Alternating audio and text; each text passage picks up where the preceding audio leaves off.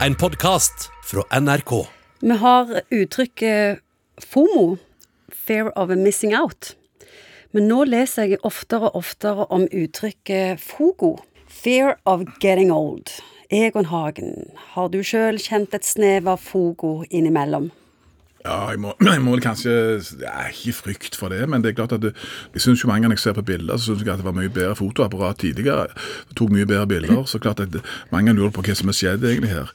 Så kan jeg tulle med det, men jeg tror det kanskje det viktigste er å komme til en eller annen forsoning og aksept med seg sjøl. Kjedelig psykologbabel. Jeg er klar Ja, det over det, egentlig. det. Jeg er klar over det, egentlig, men sånn, sånn er det på en måte. Det er noe med disse gamle klisjeene om at det er jo tross alt bedre enn alternativet. Og Ja, men det er lite som frister med alderdom. Altså, det er lite som er attraktivt med rynker, dårlige rygg, grått hår, og vi blir mindre attraktive i nesten alle sammenhenger. Nei, det var jeg som sa til meg at du var blitt eh, 70 år og sa at jeg, jeg føler meg helt usynlig. Du sanker ingen blikk lenger, og, hvis du har gjort det hele livet, så er det klart at det er en grevelig grævlig overgang. Jeg skamgruer meg. Jeg har FOGO. Ja, Du har kanskje fogo? du, Jeg har fogo nå.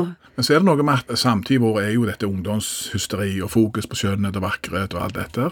Og hvis du har investert veldig mye av selvfølelsen og identiteten din i forhold til det, du har lagt veldig mange av eggene dine oppi denne skjønnhetskurven f.eks., så klart at det vil oppleves som et stort tap, faktisk. Jeg tror de aller fleste har akkurat passe egg i den korga der, men at det er vondt for det om. Det blir jo sånn at høydepunktene ligger bak deg, og hva ligger foran? Ja, det kan du si. Altså det, Livet har jo noen sånne vår, sommer, høst og vinterfaser. og det, Men det er noe der. at det er Å, å akseptere at, at sånn er det. Det var Ei dame som jeg snakket med som, som skilte seg fra mannen, så sa det at eh, alt var ødelagt. Selv om de har hatt 15-20 gode år, så ville utover, jeg kan se på de bildene eller det var bare tull alt. Fordi at nå var det blitt slutt. Og det, jeg tror den mentaliteten tror jeg er ganske skummel.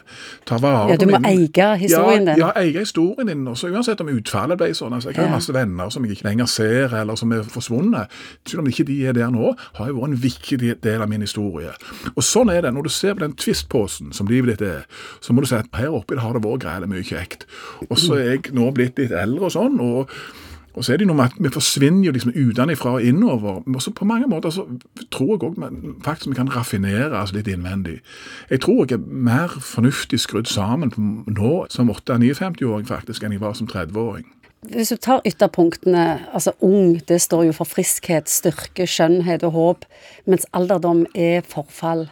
Hvor er balansen der mellom å prøve å holde seg så ung en kan, men samtidig akseptere alderdom? Ja, men du, Nå sier du alderdom står for forfall. Jeg vil si at alderdom står for erfaring og klokskap. og Det er derfor jeg liker å snakke med deg. Ja, sinnssykt mange opplevelser, og alle de rampestrekene du har vært med på, alt du har gjort, og, sant? og de, de historiene du kan fortelle. Sant? Og det, det der å akseptere ting. altså. Ta en annen rolle. Ja, akseptere ting. You can't fight City Hall. altså Du kan ikke slåss mot ting som bare er der, på en måte. Og Da blir utfordringen hvordan skal vi på en måte greie å legge psyken vår over disse forandringene på en måte som er mest mulig forsonende, OK for oss, og som på en måte holder liksom livsgnisten i, i oss, at vi ikke liksom blir triste og leie og syns at eh, faen òg, vi bare har mista en masse ting. Ja, men du er jo så en, en eventyrblanding av erfaringer og klokskap, og det er sinnssykt viktig å holde fast på. Det kommer jeg til å insistere på. jeg. Du har hørt en podkast fra NRK.